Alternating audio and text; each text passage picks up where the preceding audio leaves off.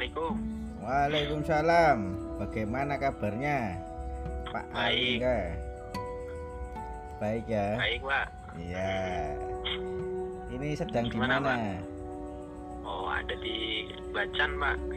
Di Bacan. Oke, ini tak mulai wawancara ya. Ya, Santai mawon. ya. Jadi sebelum mulai wawancara ini review dari Pak Lingga. Pak Lingga ini seorang guru lulusan UNESA Pak ya. saya Lulusan pundi? Unesa. UNESA jurusan pendidikan geografi Mhm. kemudian lulus menjadi seorang guru mengikuti program SM3T. Program SM3T ini guru mengabdi ke pedalaman-pedalaman Papua. Nah, kebetulan Pak Lingga Ali ini mengabdi ke Mambramo Raya Papua. Nih, Betul. betul ya. SM3T Iya. ini singkatan dari apa ya? SM3D sendiri singkatan dari sarjana pengajar di daerah terdepan, Ya. terluar, dan tertinggal. Oh, begitu ya. Kira-kira dulu motivasinya ikut program SM3T ke memilih Papua itu motivasinya apa, Pak Lingga? Nah, untuk penempatan sebetulnya dulu itu dari pihak penyelenggara, Pak. Nah, jadi kebetulan dulu itu wilayah Papua menjadi wilayah tambahan pada tahun 2013 dalam program ini untuk UNESA. Nah, motivasi yang ini apa? Kita juga Ya. ya motivasi yang kita ini apa? Kita miliki juga ingin sama-sama berbagi dengan saudara-saudara kita yang ada di sana. Dalam hal ini lingkupnya yakni bidang pendidikan Ya. itu, Pak. Betul. Jadi dulu berarti di untuk penempatannya dari Kementerian Pendidikan ya. Ya, Dari betul. Kementerian Pendidikan dikirim ke Papua. Lah ketika tiba-tiba pengumuman daerahnya itu Papua. Kaget atau bagaimana? Ya, awalnya sempat kaget sebab kan memang di awal itu wilayah Papua nggak disebutkan, Pak. Nah, itu setelah mendekati akhir masa prakondisi untuk penempatan ke wilayah-wilayah sasaran tadi. Nah, itu langsung gitu, langsung ya agak kaget juga gitu. Ya, itu kemudian saat dikirim ke Papua itu berapa berapa tahun itu? Du, satu tahun apa dua tahun ya? kurang lebih satu tahun Sa- pak sesuai Satu program tahun. ah. Oh ya ya. Jadi satu tahun di daerah pedalaman itu di Kabupaten Mambramo Raya ya. betul Itu dikirim ke distrik mana, Pak? dulu kita berada di distrik Benuki pak Di distrik Benuki ya. Jadi kalau menuju ke distrik Benuki ini kalau dari Papua dari bandara mana ya? Kita aksesnya dari Bandara Sentani pak di Jayapura. Nah, kemudian dari situ perjalanan darat ke Kabupaten Sarmi habis itu dilanjutkan lagi perjalanan laut. Nah bisa memakai kapal tuh. Oh, jadi memang aksesnya kapal ya. saya betul. Jadi eh, langsung bare, na- langsung ke Serui terus Benuki ya. Eh, Kalau itu ke kabupaten dulu oh Pak. kabupaten Kita, dulu. uh, semacam serah terima dulu dari ini kementerian ya, ya, ya. ke kabupaten. Iya.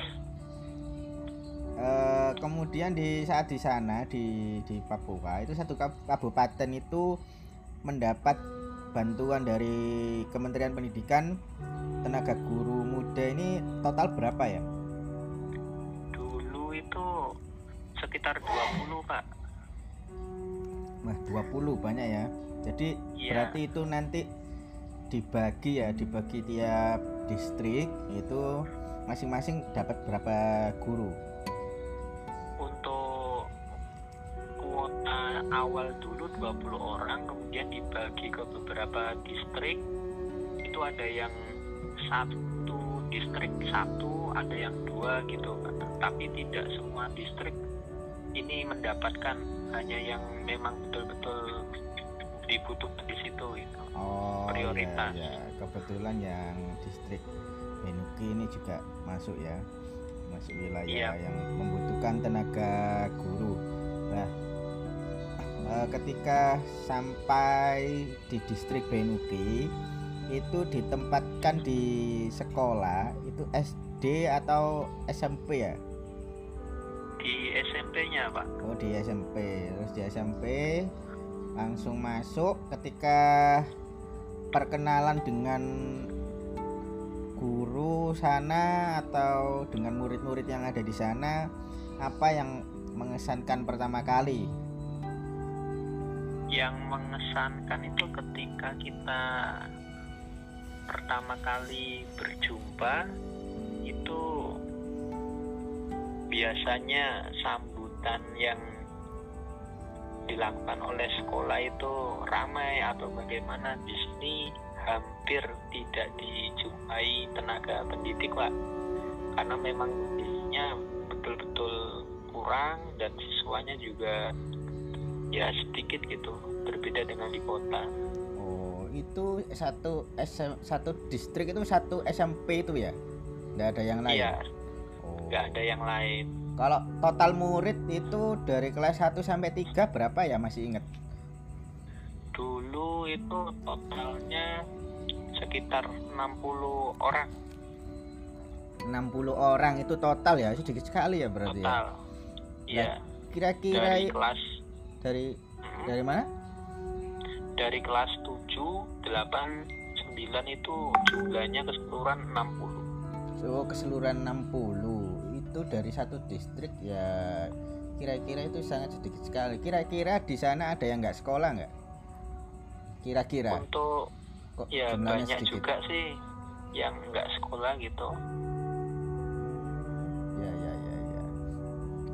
Pak Lingga ini ngajarnya ngajar kelas 1, 2 atau 3 atau semua Ke- kemarin itu semua pak Wah, semua ya. Gimana mengatur eh, mengatur sehari-hari itu? Oh, kapan ngajar apa setiap hari ke tiga kelas itu?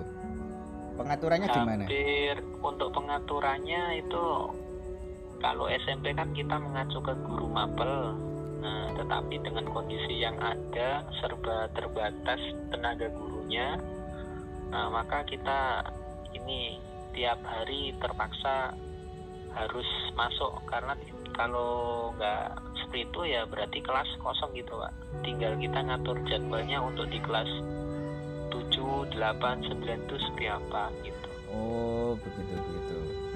Nah, ini pelajarannya ini kan geografi. Ya. Itu kira-kira nanti kira-kira pas di sana mengajarkan pelajaran geografi itu menjumpai keanehan-keanehan kayak muridnya yang tidak mengerti atau bahkan mungkin menemukan murid yang tidak bisa membaca apakah pernah melihat pengalaman seperti itu? ya kebetulan juga ada gitu pak Heeh. ada yang apa belum bisa membaca ada yang masih belum lancar seperti itu Nah, lantas ini untuk biar muridnya ini bisa mengikuti pelajaran yang disampaikan apa tipsnya? atau muridnya dikasih pengajaran tambahan untuk membaca atau bagaimana? Ya di awal itu kita ini Pak semacam ada pemetaan eh, tentang apa ini masing-masing siswa.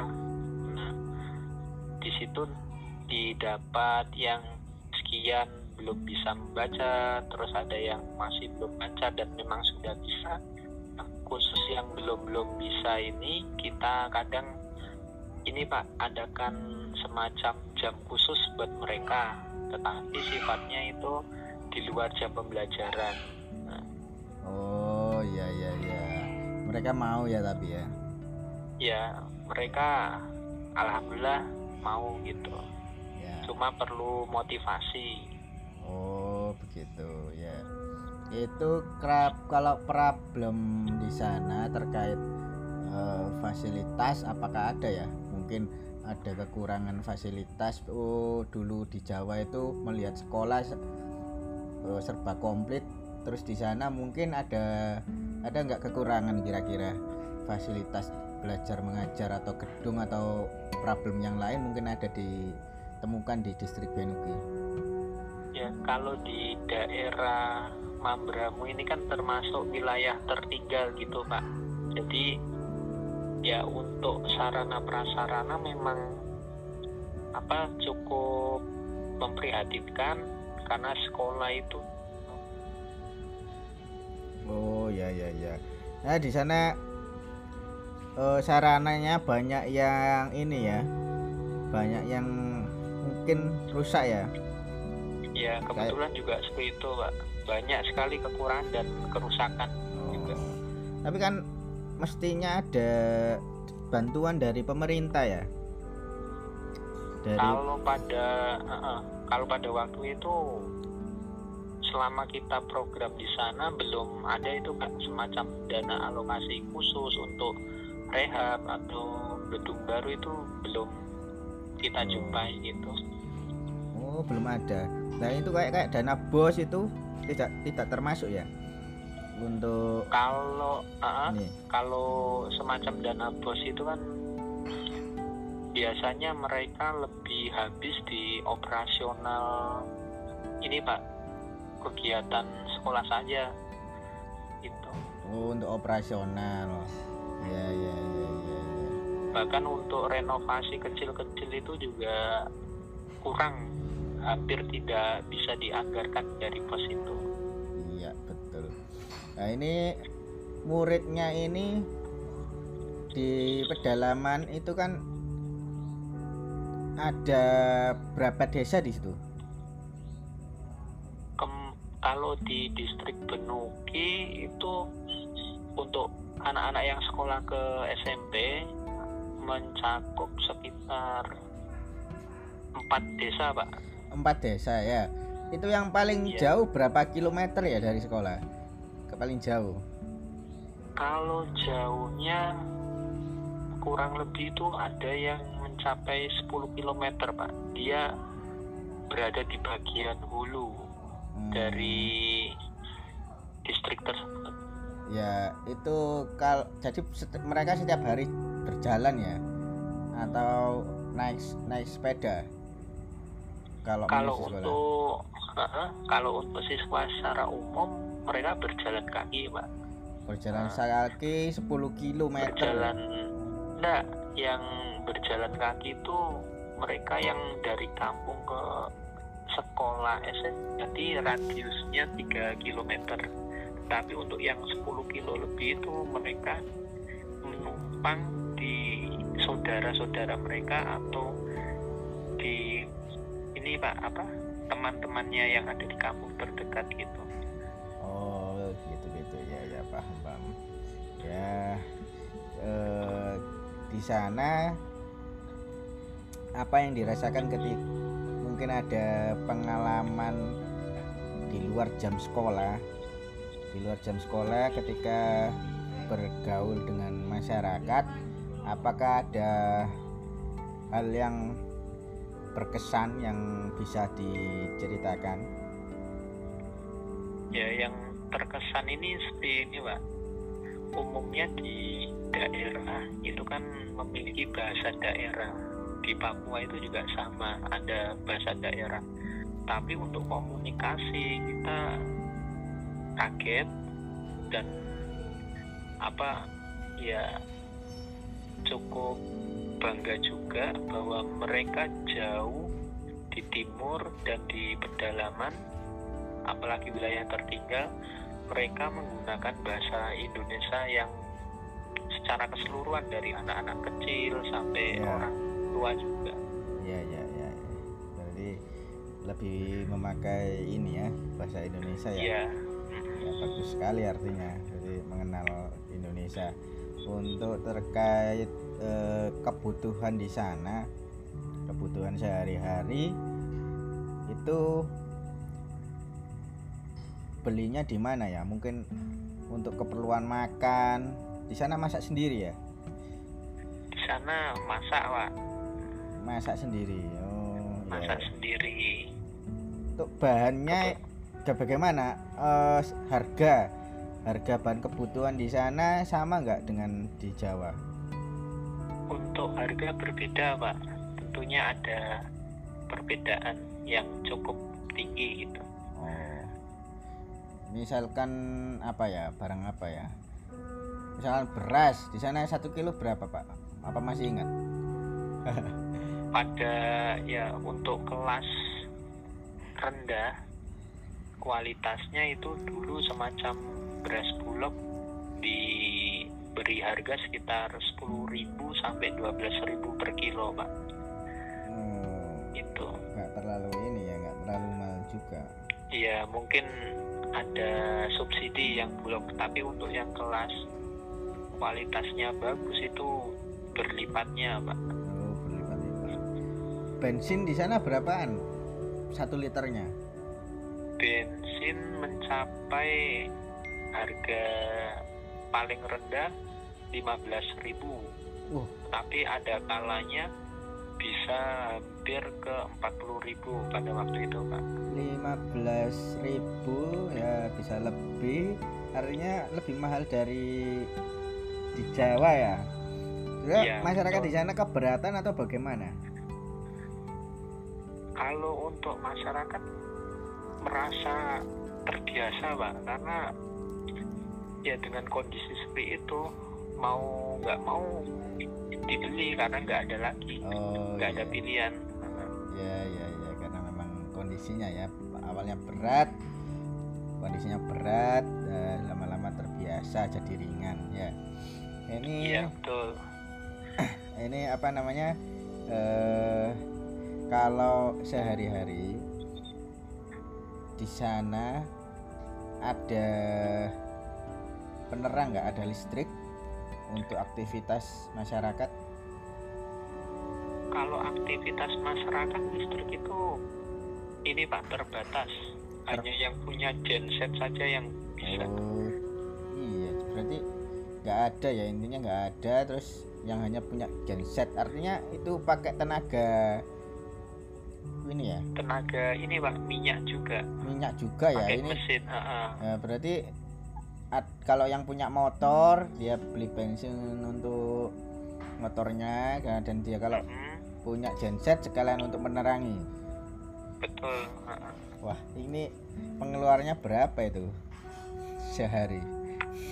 kalau untuk penerangan itu mereka biasanya nggak satu hari full pak hanya hitungan malam mungkin dari jam 6 sampai jam 12 itu memakan sekitar 3 sampai ke 5 liter tergantung dari mesinnya masing-masing Oh, ya ya ya ya.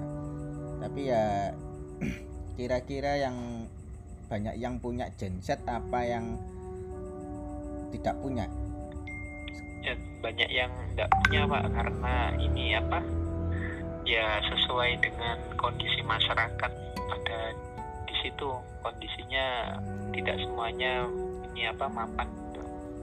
Ya, ya. Artinya kalau sehari-hari belajar murid murid Anda ini bagaimana ya? Penerangan Kalau di rumahnya. Nah, Mm-mm. kalau untuk belajar ada beberapa mereka lebih ke ini pak ketika sore hari masih terang itu mereka belajarnya di situ. Tetapi pernah juga kita jumpai malam hari dengan menggunakan pelita. Ya ya kasihan sekali ya.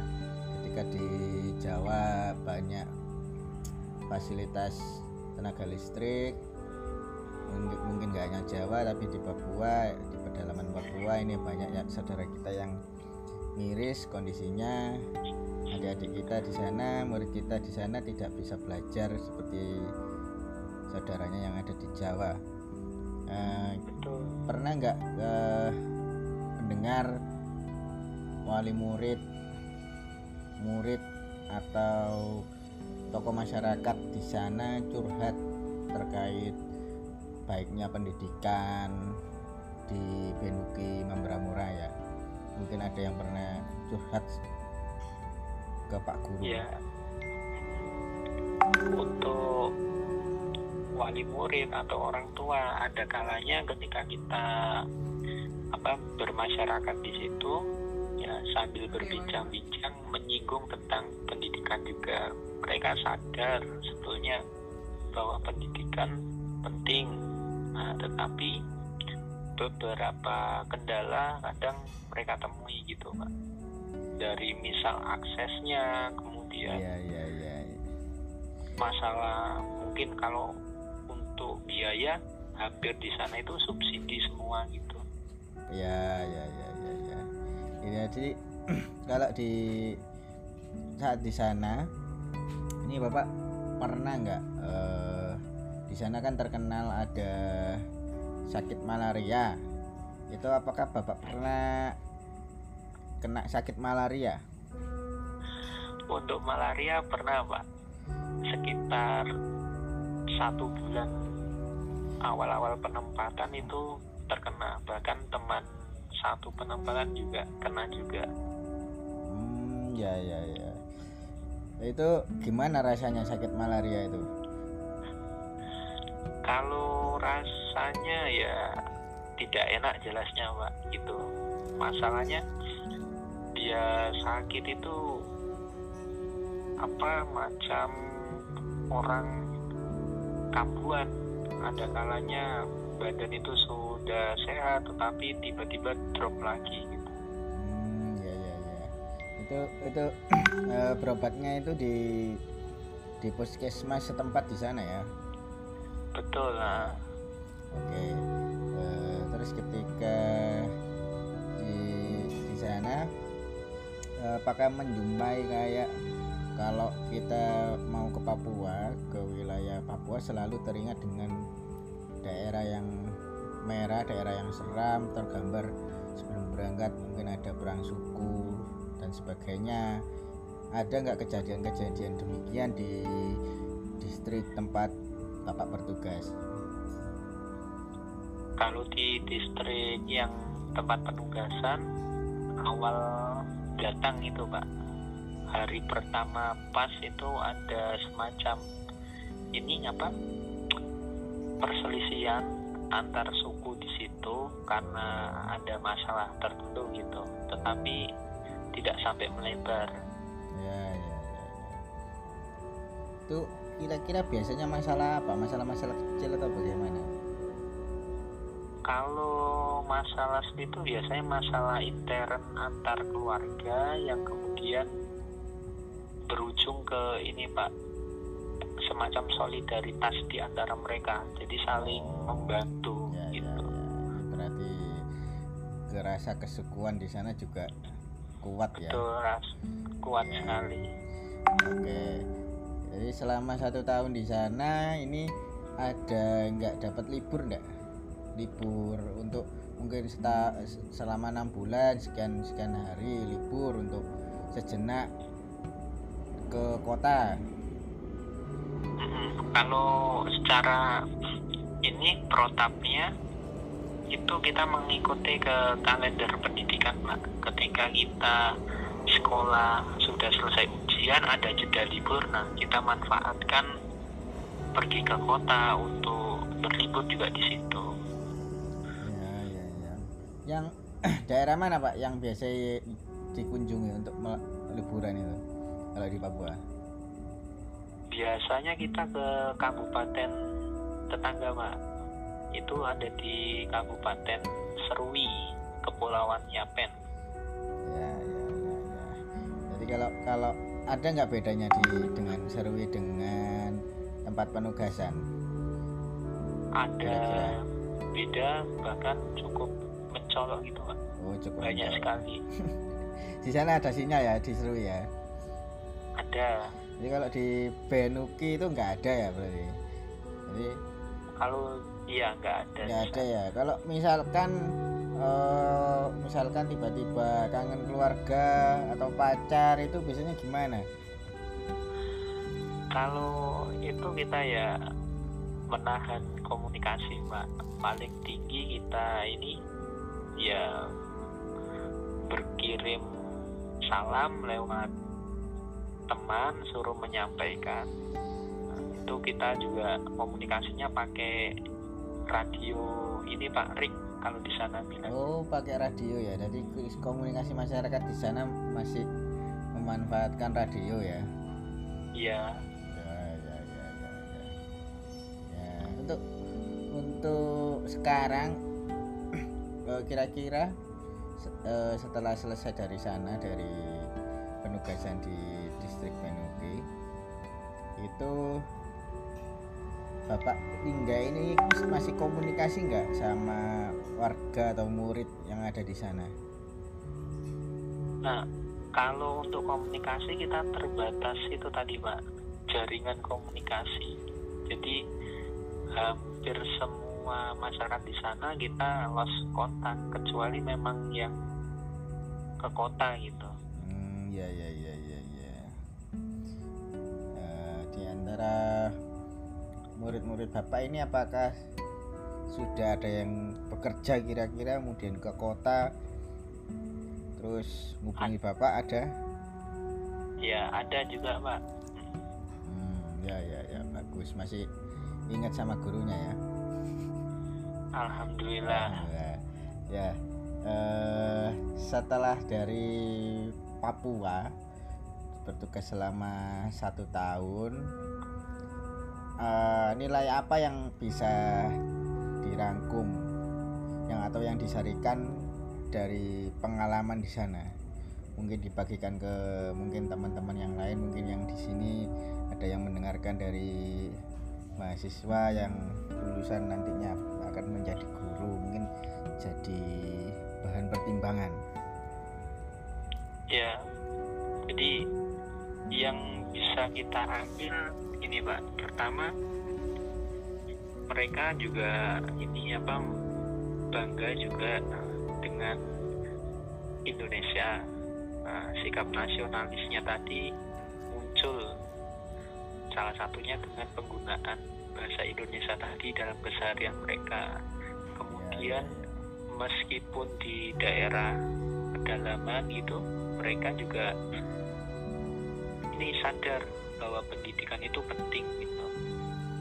Hmm, ya ya ya ya. Hmm, ya. Setelah dari Papua eh, Bapak waktu itu ada pertanyaan atau kesempatan dari Kementerian Pendidikan Pendidikan nggak untuk kira-kira memperpanjang pengabdian atau bagaimana? kalau dari kementerian sendiri itu kita terikat kontrak pak nah, tetapi setelah satu tahun itu selesai ada yang pemerintah daerah itu memang meminta kita untuk tinggal di situ atau memperpanjang masa pengabdian Jadi ada ada di antara 20 guru yang dikirim di Mambramu Raya itu ada berapa guru yang mungkin memperpanjang kontraknya? Kalau untuk di Mambramo Raya sendiri pada waktu itu belum Pak, belum apa belum ada teman-teman yang memberanikan dirinya untuk memperpanjang karena setelah kita satu tahun dari situ kita harus pulang kemudian menempuh pendidikan lagi gitu Pak. Ya ya ya.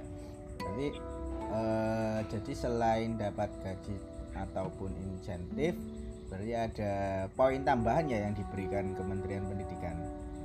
Di luar ya itu semua. ada poin bisa sekolah atau atau apa? Itu dulu kita ini pak semacam apresiasinya yaitu beasiswa pendidikan profesi guru gitu. Hmm, dapat beasiswa itu ya, ya. Saya iya betul Pak. untuk lulusannya Karena- baru Hmm, Mm.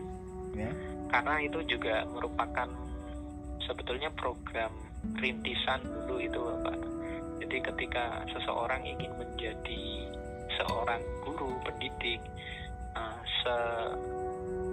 setelah dia menyelesaikan pendidikan S1 maka di situ dicoba diaplikasikan di lapangan. Nah, kemudian diproses dengan cara dia belajar dengan cara apa dia menghadapi situasi dalam kemasyarakatan itu seperti apa gitu. Oh iya iya bagus berarti ya. Sampai sekarang ya program ini berjalan ya atau sudah ganti program lain namanya atau atau kalau Gimana? kalau program SM3T sendiri ini sudah selesai itu Pak oh nggak ada lanjutannya ya sudah nggak ada karena memang dari kementerian itu merencanakan ini adalah program pilot project mereka dalam me- apa merekrut guru-guru yang memang sesuai dengan harapan itu. oh gitu ya ya ya Iya. lalu lantas di sana siapa kira-kira yang mengisi ketika tidak ada guru SM3T ini di Papua? Nah, pad- pada waktu itu kan kita angkatan pertama yang masuk sana Pak setelah satu tahun selesai penarikan sebelum penarikan itu selesai ada angkatan berikutnya yang siap kirim. Jadi berkelanjutan selama kurang lebih 6 6 ini 6 gelombang enam berarti 6 gelombang. tahun Oh, iya betul. enam tahun ya atau sudah mungkin dirasa sudah cukup sudah ada perbaikan kemudian tidak lanjut ya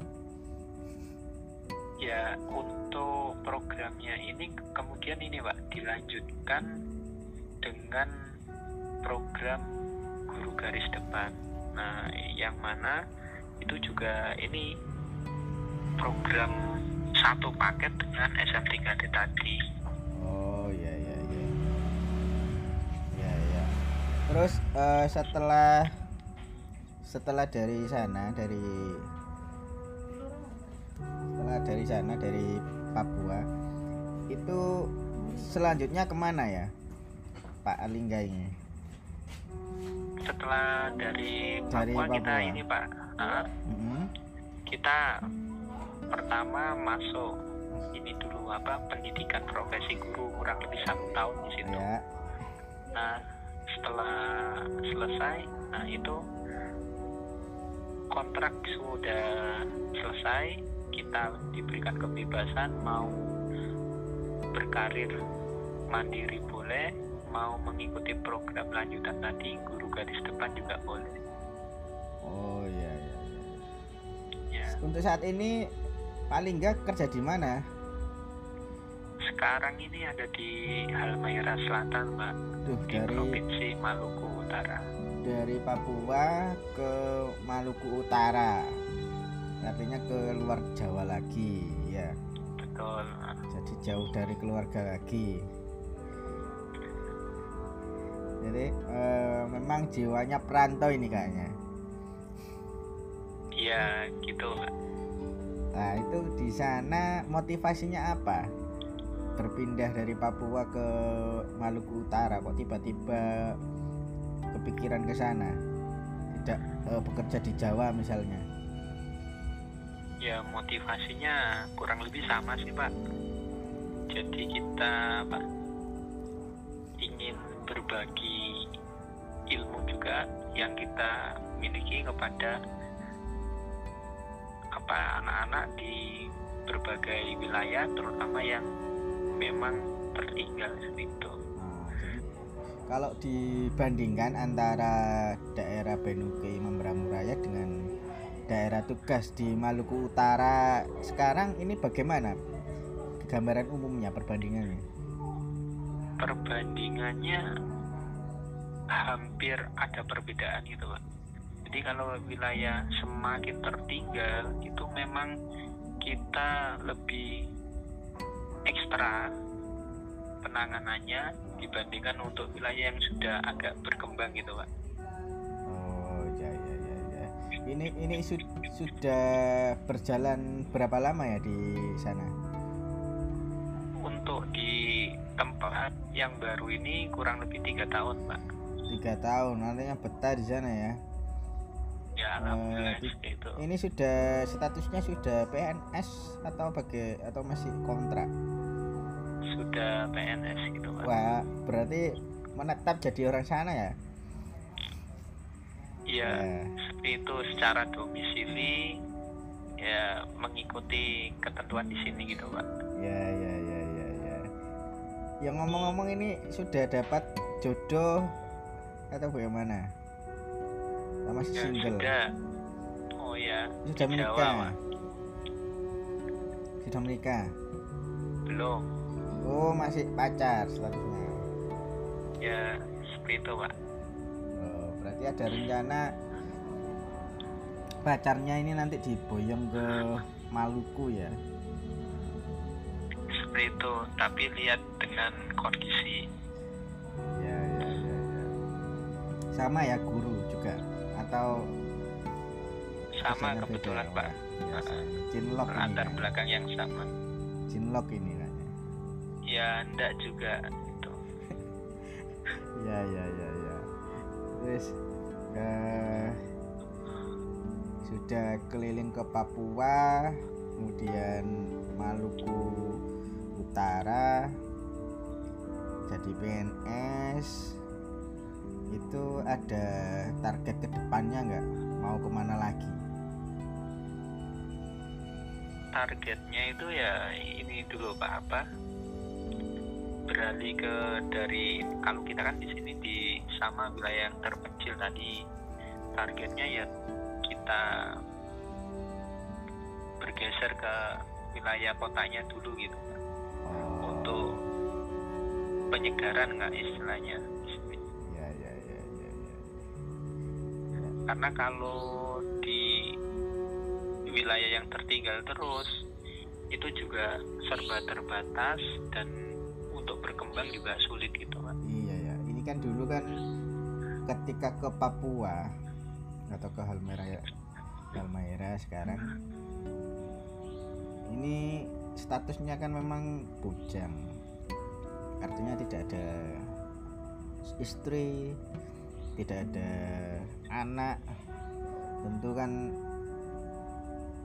bisa lah untuk untuk bertahan. Tapi ketika sudah berkeluarga ini kan lain ceritanya ya betul itu ada nggak ketika di Papua dulu ada temen yang guru yang bawa istri atau bahkan punya anak ketika mengabdi di Papua dulu? Kalau pada waktu itu kan ini pak program SM3T itu ada salah satu syarat belum berkeluarga. Jadi semua single. Jadi di sana memang tidak ada yang bawa istilahnya istri atau Wah. anak gitu. Wah malah enak itu ya. Berarti kemungkinan ada yang cinlok ini dari 20 yang ditugaskan ini kayaknya kalau di kabupaten kita pada waktu itu angkatan pertama laki-laki semua pak oh Karena ada- laki-laki semua. Ya oh nggak ada yang karena cewek ada ya? Oh. uh-uh, bahaya ini kalau sesama cowok cinlok ini pak uh, bahaya sekali. Ya. Ya ya karena ya. kan ada ini pak ada pertimbangan dulu dari pihak kampus di sini sebagai kepanjangan kementerian. Nah, sebagai wilayah rintisan pertama dan karakternya belum sepenuhnya diketahui maka ya untuk meminimalkan resiko yang terjadi ya yang dikirim laki-laki semua pada waktu itu. Ya ya ya, ya, jadi eh, di sana ada menyimpan koleksi kayak foto-foto video kegiatan ada ya masih tersimpan ba- baik ya ya sebagian masih bapak ya ya ya itu nanti bisa diceritakan ya ke teman-teman atau murid-murid yang ada di di mana pun ke Halma yang di Halmahera atau nanti mungkin tiba-tiba pindah ke Jawa itu nanti bisa dijadikan Iya. foto atau cerita ke murid-murid ya bahwa kondisinya di sana lebih memprihatinkan ya. iya betul. Kadang juga kita jadikan sebagai gambaran pendidikan di wilayah Indonesia dan sekaligus untuk memotivasi pak. Pernah sekali kita ini kita putarkan video bahkan itu di wilayah perkotaan di Surabaya. Nah, mereka juga sempat kaget oh ini di mana pak kita ya kita ceritakan dan ya di situ memotivasi mereka untuk tetap lanjut sekolah jangan sampai ada putus sekolah gitu pak Ya, ya, ya. Alhamdulillah masih menyimpan cerita yang bisa diajarkan ke banyak orang agar lebih bisa mensyukuri di tempatnya saat ini masih lebih baik. Nah, betul. eh, setelah eh, kembali dari penugasan waktu itu apakah ada pertemuan kan dulu kan diantar ke Papua di sampai di kabupaten. Kemudian saat kembali satu tahun dari bertugas itu apa ada forum pertemuan di kampus atau di kementerian untuk membahas masukan-masukan yang yang bisa diberikan ke pemerintah untuk perbaikan kondisi pendidikan di pedalaman. ya kalau untuk pertemuan itu tidak ada ya pak ya tetapi kita difasilitasi di situ selama satu tahun pengabdian membuat suatu laporan yang di mana di dalamnya juga apa ada beberapa poin yang masing-masing peserta bisa memberikan saran solusi atau bagaimana itu untuk dipertimbangkan sebagai tidak lanjut. Hmm, bagus ya berarti artinya ada input eh, selama enam tahun berjalan ada berbagai dok, beberapa dokter yang ditugaskan di sana artinya pasti input yang diberikan kepada pemerintah mestinya banyak ya. Ya. ya itu Pak. mudah-mudahan ya ada ada perbaikan dari yang bisa diberikan kepada dari pemerintah untuk eh, pendidikan di pedalaman. iya Nah, itu bahkan Hah? ini pak bahkan program yang tadinya satu tahun mengabdi dan cuma sampai batas enam angkatan atau enam gelombang tadi ya itu mungkin hasil dari apa masukan-masukan laporan itu akhirnya memunculkan satu program kementerian lagi yang Ya. kalau kita tarik itu masih satu paket yakni tadi guru garis depan guru garis yang depan ya. mana betul yang mana mereka direkrut harus sesuai dengan ketentuan yang mereka inginkan di dalam ini adalah ketentuan kementerian dan targetnya adalah ke wilayah tadi 3T tadi terdepan, terluar, tertinggal. Loh, lantas bedanya apa dengan dengan SM3T? Sama-sama Ya, ber- Ah, ah. Ada sedikit perbedaannya di sini, Pak. Yang mendasar adalah statusnya. Kalau SM3T itu kan kita kontrak satu tahun untuk mengabdi. Setelah itu masing-masing bebas menentukan jalannya sendiri. Tetapi kalau yang di guru garis depan ini kita memang direkrut, nah dengan apa ini yang lebih ketat lagi yakni kita diangkat menjadi pegawai di wilayah 3T tadi. Oh, jadi jadi ini artinya untuk mengisi mengisi pos-pos biar terisi pegawai tetap ya, guru tetap ya. Ah, betul itu, Pak. Itu ber- sudah berjalan tadi, berapa lama ini yang guru garis depan ini? kalau untuk guru garis depan itu kan ada dua angkatan, angkatan satu dan angkatan dua kurang lebih ya. Yang angkatan satu itu berkisar lima tahun, yang angkatan dua tiga tahun ini, Pak. Nah, Itu seandainya al. seandainya eh, sudah sudah jalan satu tahun kemudian diangkat jadi guru kemudian tiba-tiba pindah nggak bisa ya? Ada perjanjiannya ya? Ya, itu ada, Pak. Secara umum ada perjanjian sesuai dengan undang-undang ASN dan bahkan ada pemerintah daerah yang memberikan tambahan kontrak juga gitu, Pak. ya ya ya ya ya. Ya cukup bagus ya sebelumnya ya. Mudah-mudahan dengan program yang tadi eh, perbaikan atau perbaruan dari yang SEM 3T guru garis depan nanti banyak eh, daerah di pedalaman yang kekurangan guru sudah menjadi terisi oleh guru. Jadi sehingga aktivitas belajar mengajar jadi lebih rutin lebih normal seperti yang ada di Jawa ya Pak ya Betul. ya eh, ini apa eh, terakhir mungkin eh, apa yang ingin disampaikan eh, ke- Ya. dari Pak Lingga Hmm.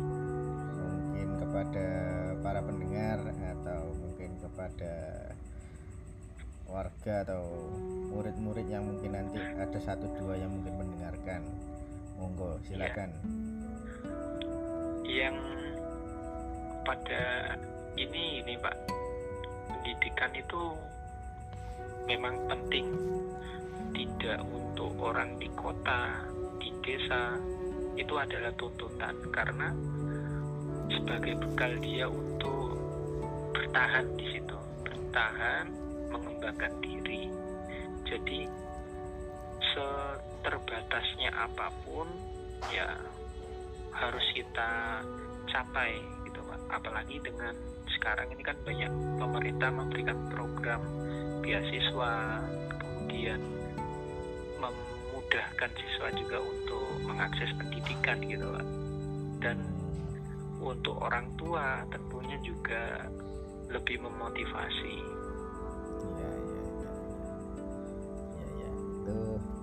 Pesan eh, terakhir dari Pak Lingga ya seorang guru muda yang pernah mengabdikan diri di pedalaman Papua selama satu tahun bersama rekan-rekan guru yang lain guru muda dari berbagai universitas di Indonesia. Ya ini tentu program seperti ini sangat membantu masyarakat yang ada di pedalaman karena pada kenyataannya di sana memang defisit guru. Terlihat dari ketika Pak Lingga ke sana itu banyak ditemukan murid-muridnya yang masih belum bisa baca. Artinya kemungkinan mereka tidak terpapar karena kekurangan guru atau ada faktor lain Iya, dengan, dengan adanya kecukupan guru nanti diharapkan ya lambat laun kualitasnya setara dengan yang ada di Jawa gitu ya Pak ya. Betul sekali Pak. ya. Ya mudah-mudahan wawancara singkat ini bermanfaat bagi kita semua dan terutama kepada rekan-rekan mahasiswa yang saat ini menekuni pendidikan guru yang kemudian nantinya akan memutuskan masa depannya mau mengabdi ke daerah atau ke kota. Ya tentu pilihan yang yang paling mulia adalah mengabdi ke daerah karena di sana masih banyak masyarakat Indonesia yang membutuhkan uluran ilmu dari mahasiswa atau sarjana. Sekian wawancara kita kali ini dari saluran podcast kami. Mudah-mudahan kita semua sehat di tengah pandemi ini. Amin. Selamat malam. Assalamualaikum warahmatullahi wabarakatuh. Waalaikumsalam warahmatullahi wabarakatuh.